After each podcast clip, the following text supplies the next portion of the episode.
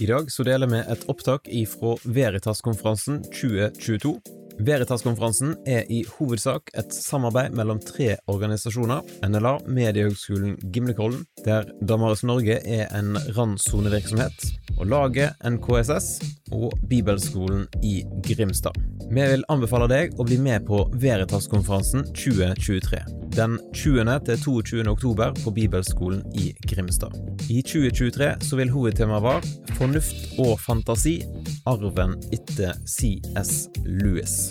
Sjekk ut veritaskonferansen.no for mer informasjon, og meld deg på i dag.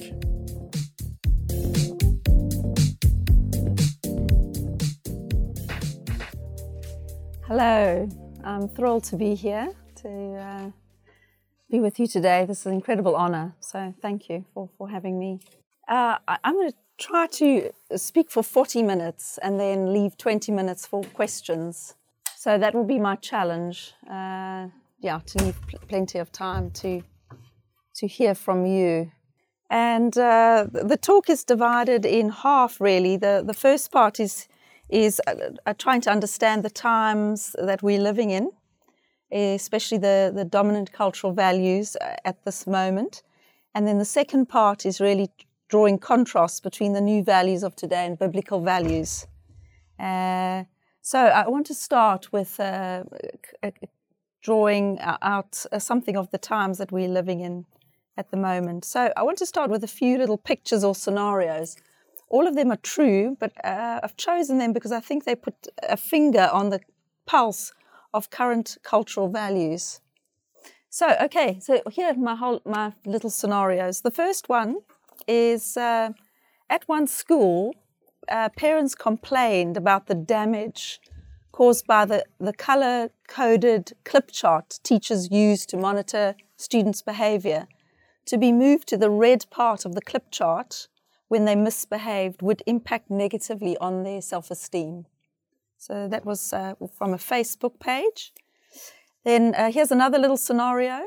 In August 2015, Target in the US, big change, announced it would stop labeling toys and clothes boys and girls. Another little scenario a study done showed that three quarters of parents of high school children wanted to be best friends with their children when they left home. That was done in the States. Another little scenario in August 2017, a YouTube video went viral of a three year old on a Lufthansa flight running up and down the aisle screaming unabated for eight hours. The mum could be heard making half hearted attempts to distract her son with an iPad. And then this one is a conversation I had with a mum who had three children, and she made the comment I'm feeling such pressure from all directions. Pressure to get the eldest tutored so they get into the right secondary school, pressure to make the youngest practice his recorder for his lessons, uh, pressure to make sure they aren't on screens too much, uh, pressure to make dinner from scratch so they're eating well, pressure to redecorate the family room so the teenagers aren't embarrassed to bring their friends home. Pressure, pressure, pressure. I'm exhausted. I don't know if you recognize these, some truth in these examples. They are quite exaggerated. Uh, but I think I've come to see that uh, it's easy to underestimate how deeply these values shape our beliefs about ourselves and our children and what's perceived as normal when it comes to raising children. And I'm going to argue that uh, values have changed profoundly in broader society over the last 60 years. It used to be that the questions of uh, meaning and purpose, the kind of big questions in life, were answered by a religious framework, and in most of our societies, uh, Christ, by Christianity. Even 30 years ago, the neighbors along your street would be nominally Christian, even if they, in their worldview, even if they didn't go to church. And Christian values would frame the relationship between self and other we'd be all be led by the categories of do unto others. But this is no longer the case, is it? That religious values have been ditched. And I'd say that the highest value now isn't knowing God, but it's the realization of the self. And it's no longer religion for answering the big questions, but psychology. That meaning comes from an inward quest for personal uh, happiness and uh, psychological fulfillment. That the movement is no longer outwards, focusing on others, but inwards, and it's guided by our feelings and our desires. And this makes for a very different way of thinking and relating to the world and those around us. And it's this the application of these psychological ideas that we call therapeutic, hence the therapeutic culture. So that, that's quite an important um, thing to, to grasp. So, where do these ideas come from? Where did, where, how did psychological uh, come to replace God as the top of meaning? And uh, so, I'm just going to give you a very uh, brief whiz through uh, some of the key events of the last hundred years. I don't have time to go into them more, but it does start with Freud for our purposes at the beginning of the 20th century. Now, most people haven't read Freud, but he's had a major impact on how we see the psychological as important. And it's he who gives us a new language uh, and a view of the inner life. Then psychology is taken in a different direction in the 1950s by humanistic psychology. The values of humanistic psychology are very different from Freud's. Whereas Freud's aim was to transform hysterical misery into ordinary unhappiness. Humanistic psychology is all about personal satisfaction, fulfillment, and freedom from anything that limits you. So it's much more positive than, than Freud. And, and Freud's uh, aim was quite modest compared with humanistic psychology. So people would be turning their backs on situations or relationships that they saw as limiting or uh, unsatisfying. And certainly in the States in the 1970s, half of marriages broke up, not because of infidelity, but because individuals no longer felt fulfilled by the other person, that they wanted to follow their own personal growth. So you see how these values start to infiltrate different areas of, of, uh, of society. Uh, the aftermath of the World War II also plays a part in the rise of this therapeutic culture. People are disillusioned with the Christian assumptions about the good life, and people stop believing in God or start to question God and question religious values of humility and sacrifice and self gratification. The, affluence of the 50s also fuels therapeutic culture with its boom of consumer goods. Now we have clothes and designer kitchens and cars with advertising sowing the seeds that these products would uh, define us and make us happy. That you have the right jeans, the right car, you sit on the right sofa, and these define who you are and they make you happy. Sometimes that's called expressive individualism. You might note from that term. And then another contribution to this rise of therapeutic culture is the hippie culture, counterculture of the 1960s also pushing the values of freedom, self fulfillment, as well as being anti authority. Uh, and this led to a profound change uh, in how people were raising children. Well, there's a big fallout in the hippie culture for children. And one commentator, Joan Didion, she said she was horrified at the indifference to children's needs in the hippie counterculture. That time, people were living in communes, they were moving around, children were exposed to drug taking and parents were in open relationships. So these are just some of the events that have kind of helped gather the momentum of this therapeutic culture. And this change in culture has led to a profound change in how we raise our children. You could say from each generation there were slight changes in how one raises children, but I would say this is now a dramatic change uh, for, for raising children. And it's the children of the hippie generation who become the first generation who adopt this new kind of therapeutic parenting in the late 70s. So I am the first generation. I'm in my 50s. My kids are, uh, they were born 2000. So I'm the first generation of therapeutic parenting. So sometimes it's called intensive parenting. I don't know if you've heard that term. Uh, a, a book by Nancy McDermott, she called it parenting with a capital P. But one can call it therapeutic or intensive parenting. I kind of use them interchangeably. But the first wave of this therapeutic uh, parenting, as I said, was kind of 89 to 2000. So my firstborn was 2000. Uh, so I'm part of this first wave. And in this wave, I think it was assumed that women would return to work after having their baby. I think the conversation was all about juggling the demands of work with children. The editor of Cosmopolitan, Helen Gurley Brown, summed up the cultural pulse when she said, Women could have it all the impressive career, the beautiful home, the satisfying marriage, and the well behaved children. I was speaking to a Danish uh, psychologist recently, and she felt that Denmark was still in the first wave, that that juggle was the tension for parents. I think in the US and the UK, the, cracks have started uh, to show in that wave. And this has been described in memoirs which honestly out the strains of trying to have it all. And this has given way to a second wave of intensive parenting around 2000 to certainly 2010, with professional women realizing that they can't do both.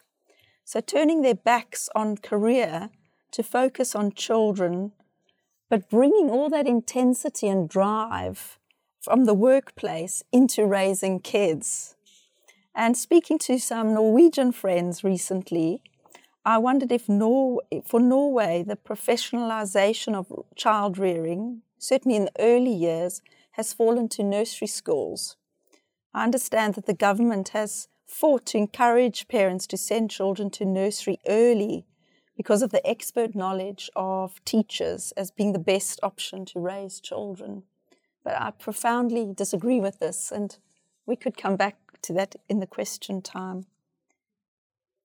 So, let's look at some of the hallmarks of this intensive parenting. So, um, the, I'm just kind of going quite quickly through these hallmarks. The focus is on more uh, is more individualistic on each child. So rather than thinking in a family around the children and the adults, children do their thing, adults do their thing. There's much more of a kind of one to one quality time a view of each child. And this makes for much more intense relationships. I don't think that when I was growing up, my parents really said, How am I doing with this relationship? And how am I doing? And taking the temperature of that relationship. I think the children were all just get left to get on with it. But now I think we think about our children in more uh, individualistic ways and this ma- yeah makes for much more intense relationship i don't know if i read in the paper madonna was speaking about her relationship with her adopted son david and saying he's the only one who gets me and uh, so describing very intense bonds and what's interesting is across the, the sex line it's not just girls uh, but you know a, a mother and son having a very intense bond so the first thing uh, is more individualistic, uh, thinking of people in dyads rather than in groups, I think. The next thing that's a hallmark of intensive parenting is that activities are curated. So children's lives are crammed with activities ballet, music, karate, maths, all with a specific end in mind. It's either a social end or it's an academic end to get ahead in some way. I think those values are very much part of therapeutic culture. Even play is curated with a specific end in mind of protecting the child from negative experiences. So, for younger children, I've noticed parents stepping in to save a child from being left out or not picked, saying something like, George hasn't had a turn with the spade. Can you let him have a go? there's a fear that these normal bad experiences, like being left out, will injure a child emotionally. I, think that parents are trying to help, definitely, but unintentionally, they're actually doing children a disservice. So, curated activities. Another hallmark is freedom being valued above authority. So, the highest value of therapeutic culture is freedom freedom of choice, freedom to express yourself, freedom to be who you want to be, and freedom from negative experiences. So, rules and norms are seen as repressive because they limit uh, your choice.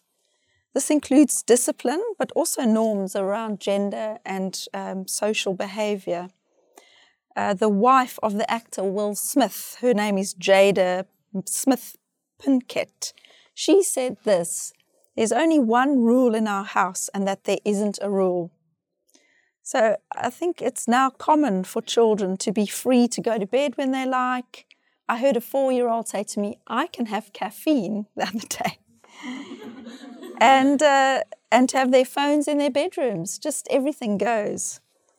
And I think as parents have become increasingly ambivalent about restricting their children's freedom, they no longer see themselves as authority figures in children's lives.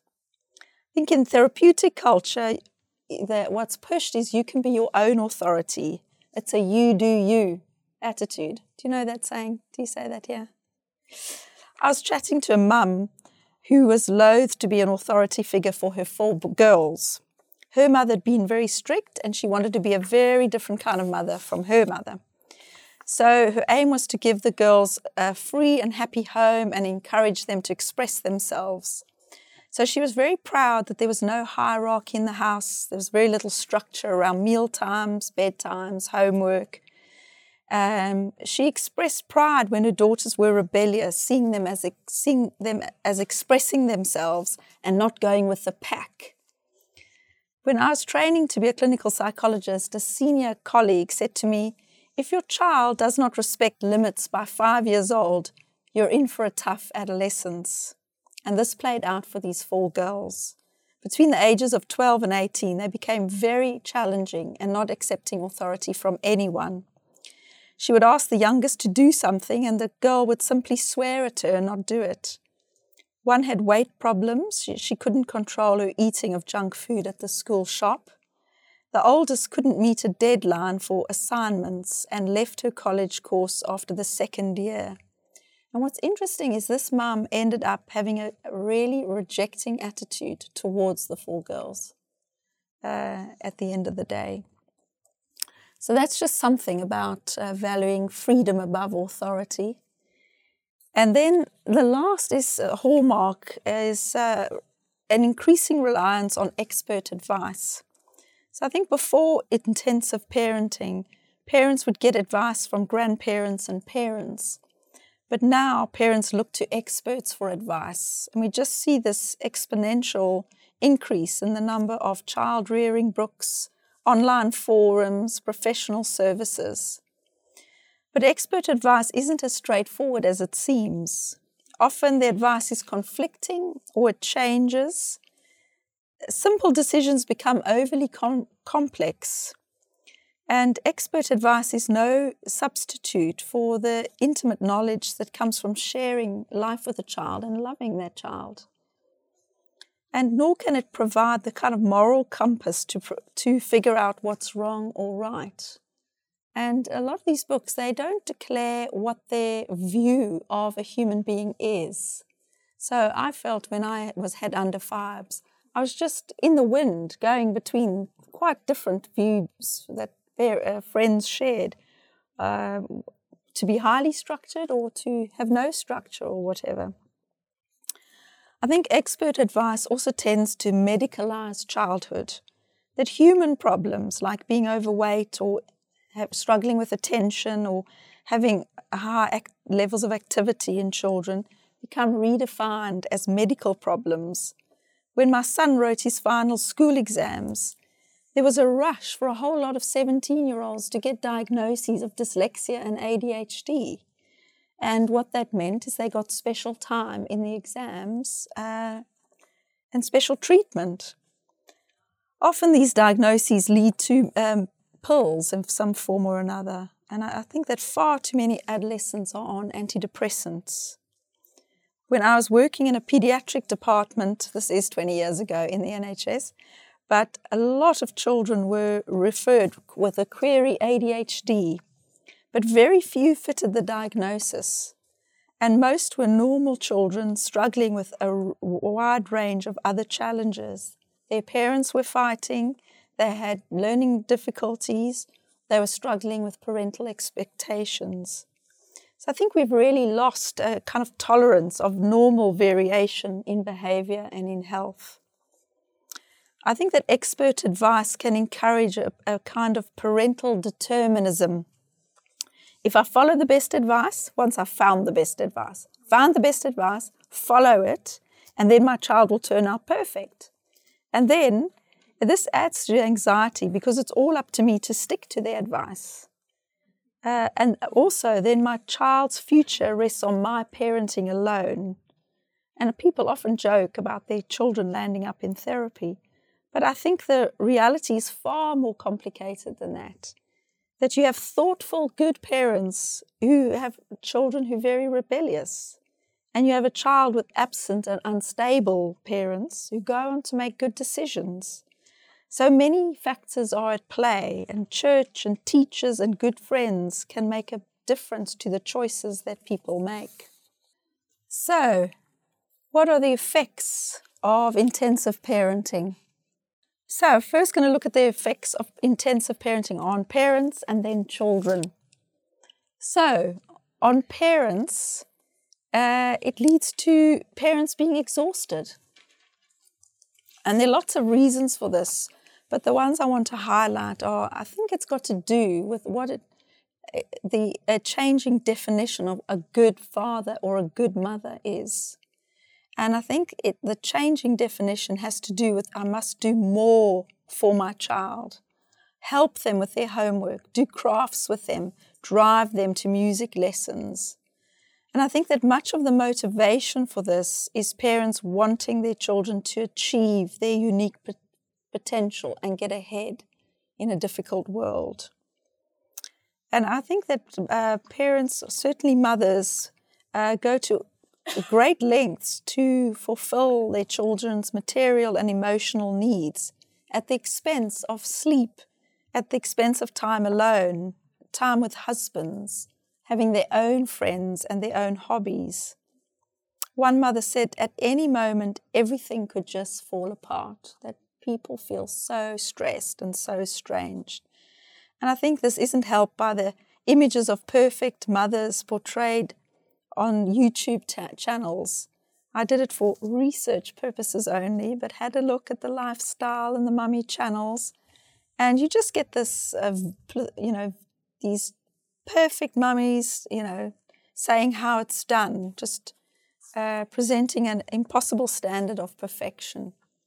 So it, it's exhausting for parents. I think it leads to a confusion about identity for parents. This has to do with the intensity of the one to one relationship. I think it blurs that boundary between being a parent and being some kind of friend or having a buddy relationship. And I think that some children might uh, uh, like that, but other children might find it suffocating as well. I think also a parent's sense of, because of this blurring of boundaries, uh, a parent's sense of their own self esteem gets very mixed up with how their child is doing and how they're behaving. So their sense of self goes up if their child's doing well and they're getting praise from other people and they see the child saying please and thank you nicely. But then uh, the self esteem goes down when they when they feel very self conscious when their child misbehaves or has att- attention. I think people feel very, um, in a way, um, ac- accused uh, and can't separate themselves from uh, their child's tantrum in that moment. Another uh, effect on parents is I think intensive parenting can strain marriages. That intensive parents are always are prioritizing children's needs over the needs for their marriage. So couples don't have date nights, they don't go away together. And it's almost like a badge of honor, you know, to what extent you um, neglect each other in order to, to see to the children. But if love and, and communication are not present in the marriage, if the couple aren't a team, it's very difficult to um, raise children uh, without a strong marriage bond. So, moving to the, what the effects of intensive parenting on children are. I think at one level, uh, children have lost the benefits of unstructured, unsupervised play.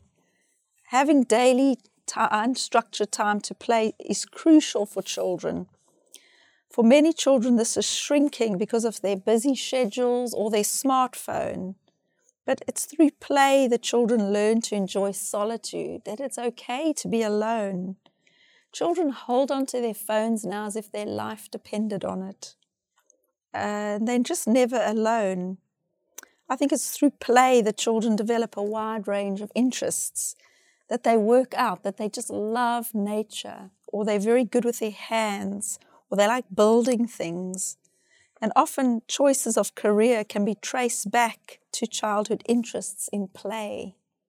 I think children also learn to care for one another through play. In play, children act out. One is sick and one's the doctor. They rescue a sheep from a flood. They call the fire service and play they're the fireman for a fire. So I think they practice their adult life and that this equips them for tough times ahead. But I think we're losing that. Of course, some children don't know what they want to play and they complain that they're bored, and every parent's heart sinks when the child whines, I'm bored. But I was very helped by a teacher who said it's good for children to be bored, and that was a real revelation for me because too often I was stepping in to help with suggestions and thinking that that was being a good mother. But this teacher said, don't make suggestions, just leave them and they'll find their way into something and become invested in it.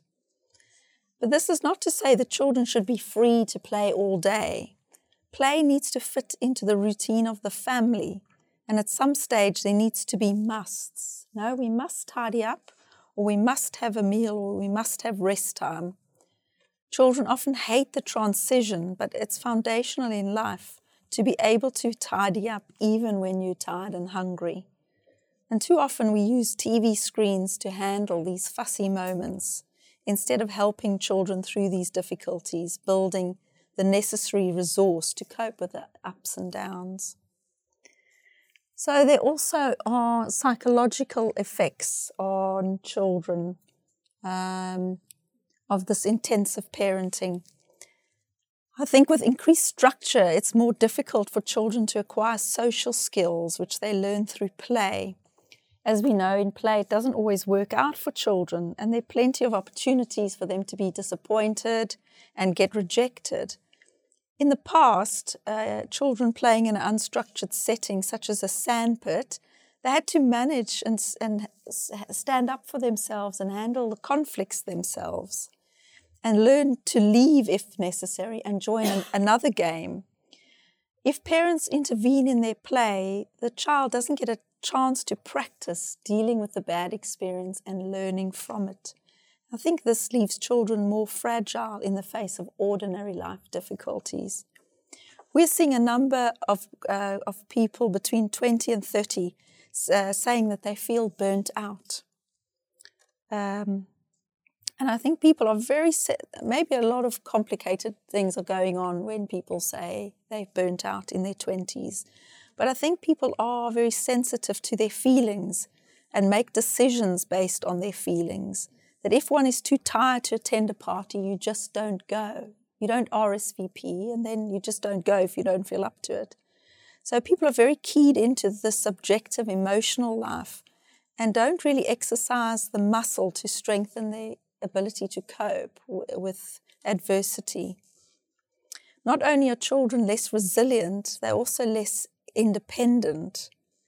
Children acquire independence through experiences that stretch them a bit. They need to climb a tall tree, they need to chop a tomato with a sharp knife. This develops confidence in their ability to face challenges. And if too much assistance is given, she will never be, ex- uh, she'll be less exploratory and take fewer risks and be, remain dependent on parental assistance. I think children are also very sensitive to parental fears, and often we infect their creativity with our fears. So often we say, be careful, don't fall. And I think by, I mean, we mean well. I've said these things too much. I think the world becomes a frightening place if we're always saying it's dangerous. I, I had a chat with a, my 18 year old and I, I was saying to him, why, you know, why, why do you, your generation not greet people? And he said, You taught us to beware of strangers you put a fear of strangers in us. I was very challenged by that comment.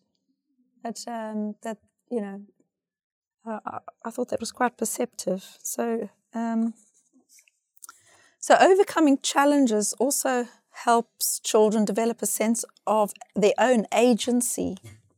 So if a child dares to climb a high tree and overcome their initial fears, they have confidence that they can cope and have influence in the world.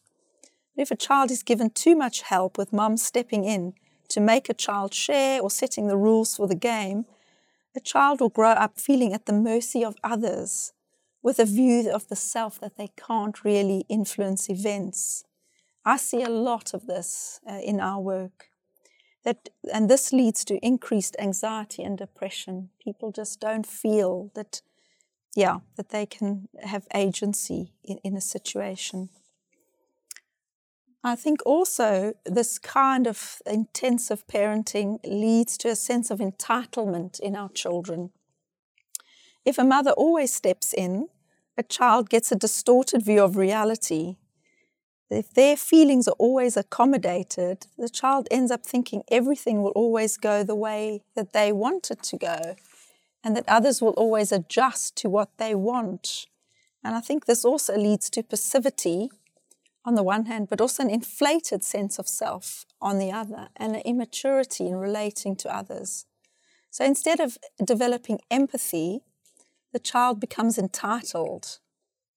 And it's really through unsupervised play and children just getting on with it that they acquire deep understanding of otherness.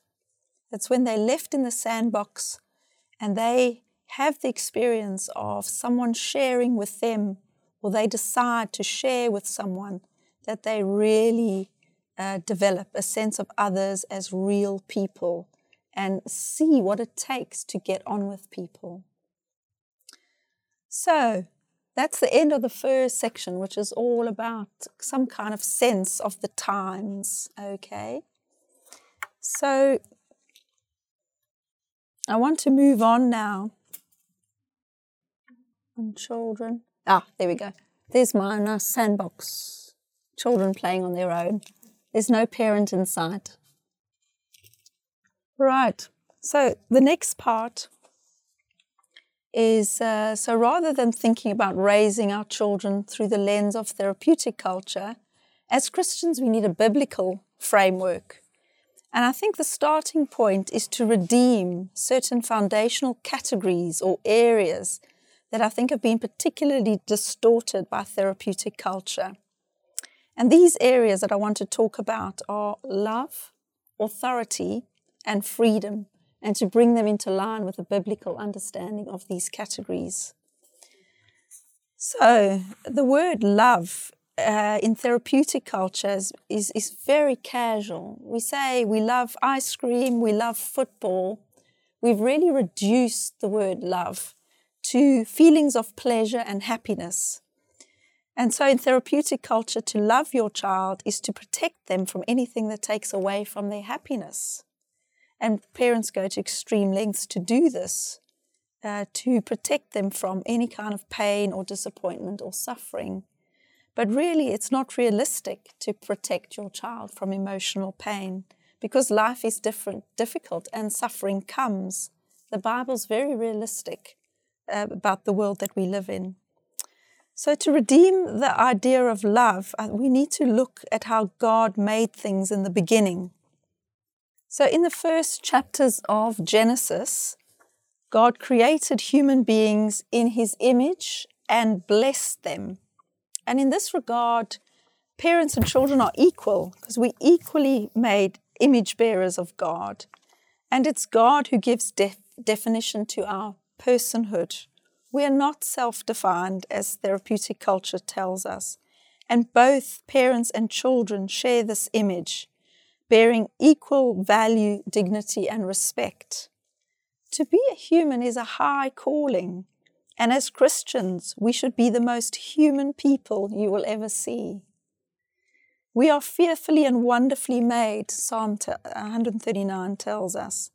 So, our starting point is that being human should be a positive thing as a reflection of God's image.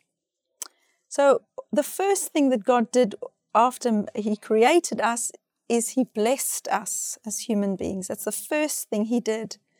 And to redeem the idea of love from just meaning happiness, I suggest we think about love as blessing. So, what is a blessing? Blessing is a gift graciously given.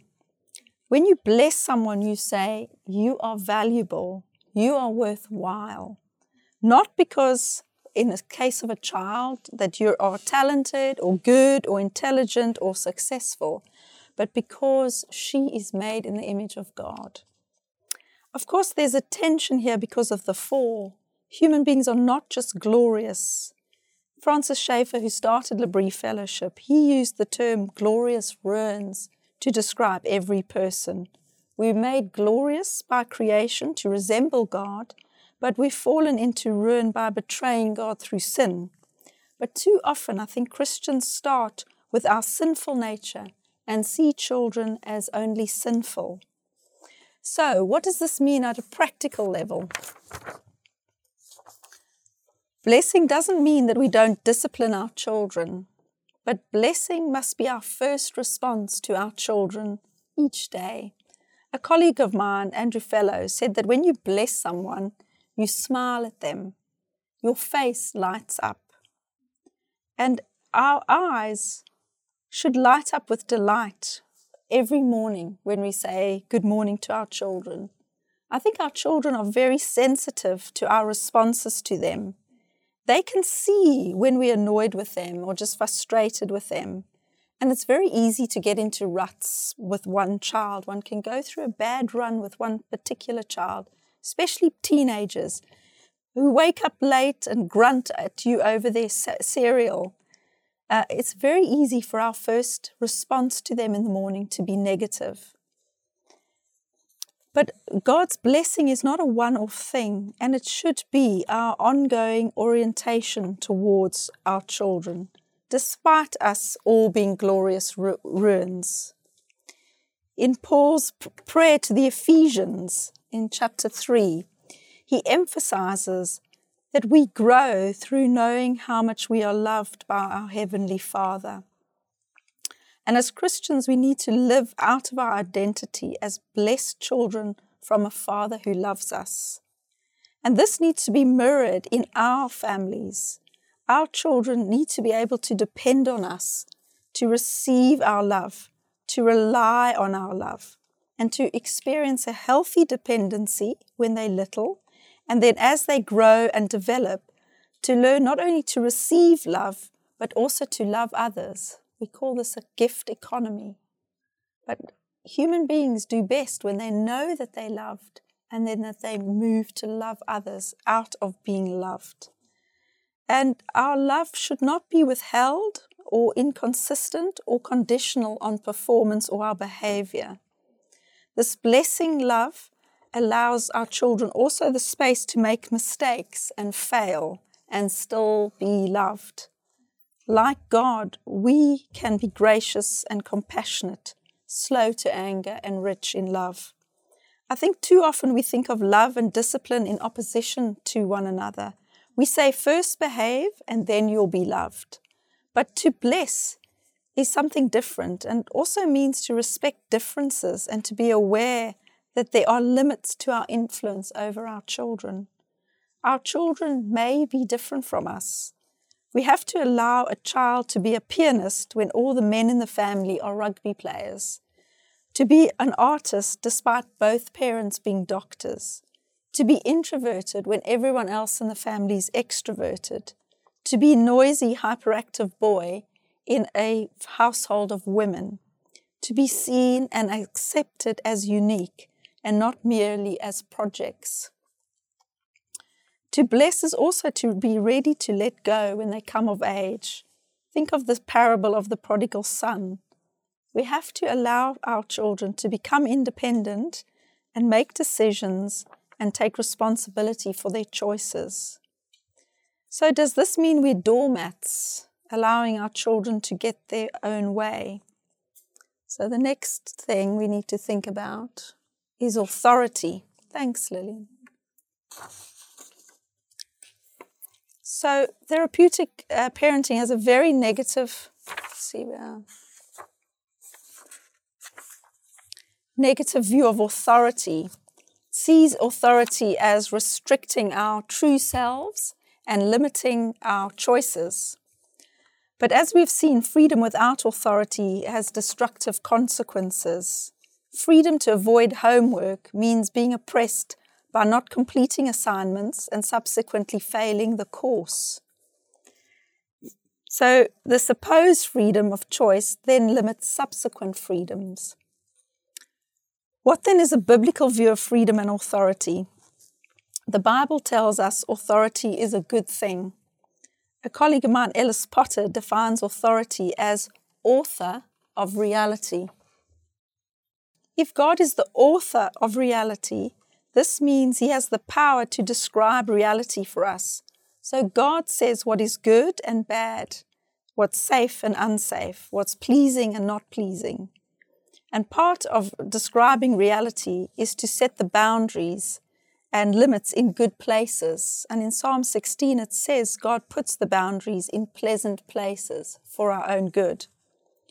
So, like God is in authority over human beings, parents are in authority over children and parents have the authority to decide where the boundaries and limits are for the good of their children.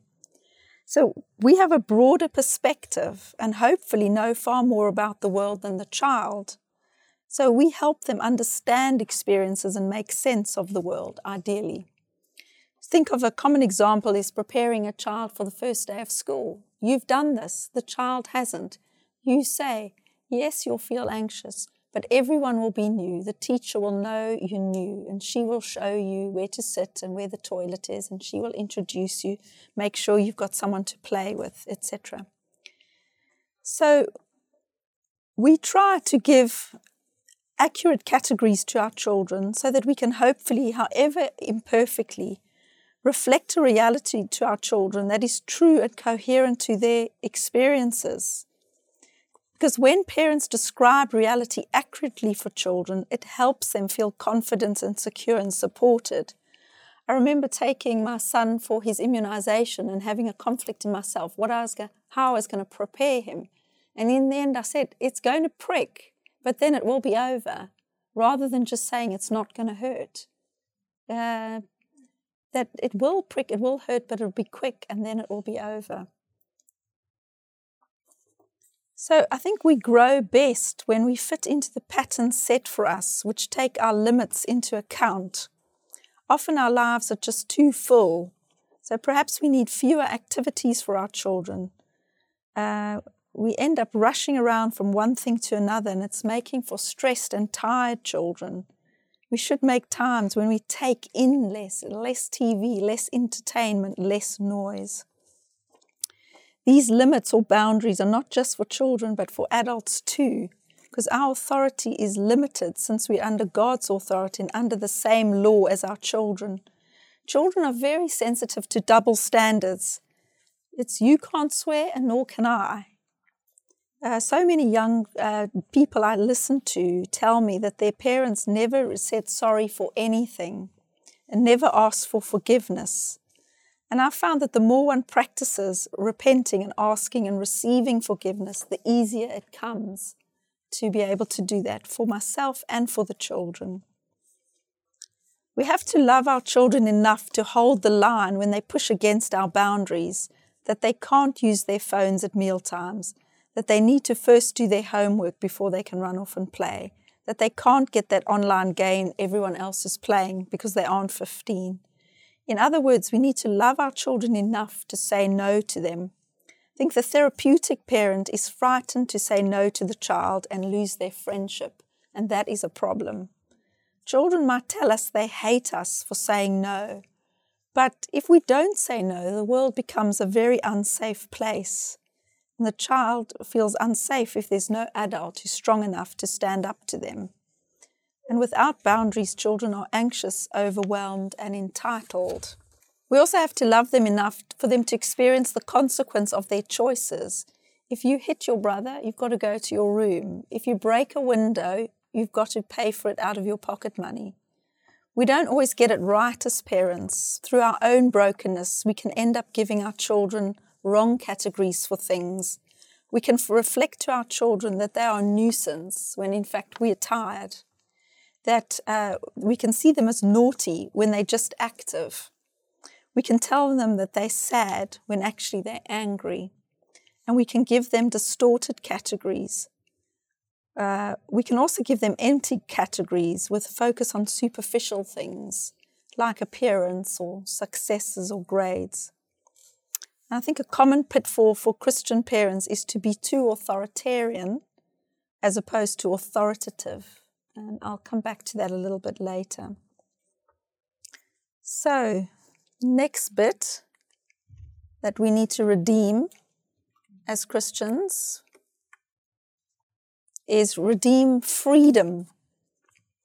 So the therapeutic parenting sees unrestricted freedom as an absolute good. And how does this contrast with biblical view of freedom? In a biblical worldview, the freedom we enjoy as humans is only possible because of certain forms prescribed by our Creator. By forms, I mean limits or order or structure or rules. For example, we have freedom to walk in a straight line because of gravity, and gravity is a form that makes this possible. Christianity is unique because it provides a basis for freedom like no other worldview. There's great emphasis on freedom in the Christian narrative. The Exodus is all about freedom from slavery and death to life. Christ's resurrection is all about freedom from sin and death. The indwelling of the Holy Spirit brings a new freedom in us to be who we were made to be. Uh, we have to lean into this principle of freedom while respecting the forms which are commanded by God in Scripture. Some form is necessary. And I'd say um, we often give this example that the children are free to play in our manor gar- uh, gardens uh, because the walls offer some kind of form and the walls protect the freedom of the children's pl- play. The walls keep out cars from coming into that space, and therefore it makes it a free space to play. They don't have to worry about a car coming uh, running them over while they're playing. So freedom is freedom within form. So, what are the mandated forms for family life laid out in Scripture? I'd say that the family itself is a form. Children grow up best with a mom and dad who share the task of raising children. That's not always possible, but I still think it's the best form. And that doesn't mean it's a nuclear family either. I know families who invite single people to live with them. Grandparents might live as well. Um, I'd suggest that meal times are a form for Christian families. Eating together is a constant through the Bible. I think the Sabbath rest is a form, it's a, for our benefit. Uh, it doesn't always have to be a Sunday, uh, but there has to be a day for slowing down. I think we're losing that. We can look to Hebrew homes uh, for how to do this well. Often mothers would cook the day before the meal, so the meal would be ready. They wouldn't have to light uh, to to to cook it on the day. They'd choose the nicest food possible. They'd lay a nice table with candles. I've tried to make it a time that our children look forward to. Sometimes with another Christian family that we can. So sometimes Sundays are a busy day, but then I would have uh, lunch or a dinner, invite a family, and we'd have a special meal, and you know, just the chance to say grace with another family and just enjoy that and communicate to our children that we're celebrating God who loves us in this meal. I think has made a difference in our home. Feast days are also a form. I think special events like Advent and Christmas and Easter, and to find ways in which children can participate, whether it's making decorations or collecting ivy for wreaths. It, it doesn't, um, in our village, the Christian uh, churches, we get together and play a football match on Christmas Day at midday. And my sons really look forward to this and wait for it each. They've got a WhatsApp group for this Christmas football game that they that they will play in. So I think it doesn't have to cost a lot of money to keep uh, these high days and to make them special. I think asking for and receiving forgiveness in a family is a form. But there are vast areas which we are left free to choose there's freedom to choose whether mother or father is the breadwinner. There's freedom of who cooks and who mows the lawn, who makes dinner, what games we play, what books we read. I think there, there must be flexibility in family life as well.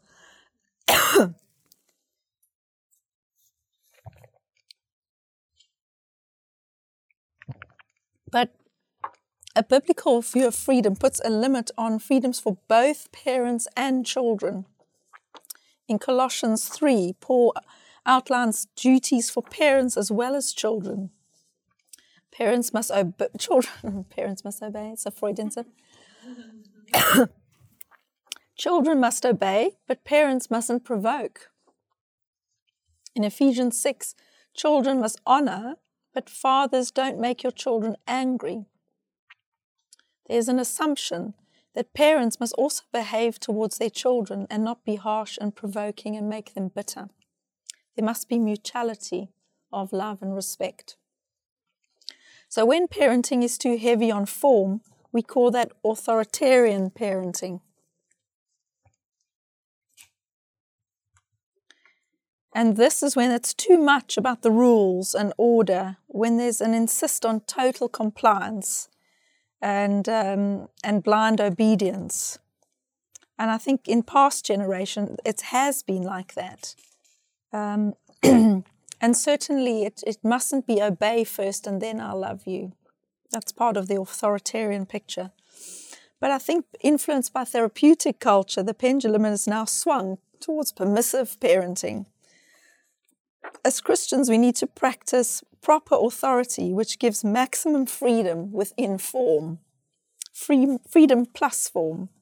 Because of our fallen state, we do need form, some structure. Kids do need a bedtime. They need to have um, good boundaries. And these need to be enforced uh, through chastisement to bring a child into reality. But the chastisement needs to be part of love. And this needs to be conveyed in the tone of your voice. We have to get empathy plus firmness in how we respond to a child. I can talk a little bit more later if we have time about that. So it's hard to walk this line of authoritative parenting without falling off the horse on either side, being either too strict or too lax. and also, it's hard to be consistent in implementing consequences the psychoanalyst Adam Phillips, his definition of being adult, he said, to be able to tolerate being hated by the child and not taking it personally. I think we've lost that because of therapeutic culture. So much of discipline is helping children manage frustration, but their development depends on tolerating frustration, and children need to experience someone who is stronger than their rage. A friend of mine runs an after school club for primary school kids. And one of the children didn't want to do their homework. My friend said, You can make a flag and you can stick it on your desk protesting about the homework, but you've still got to do it.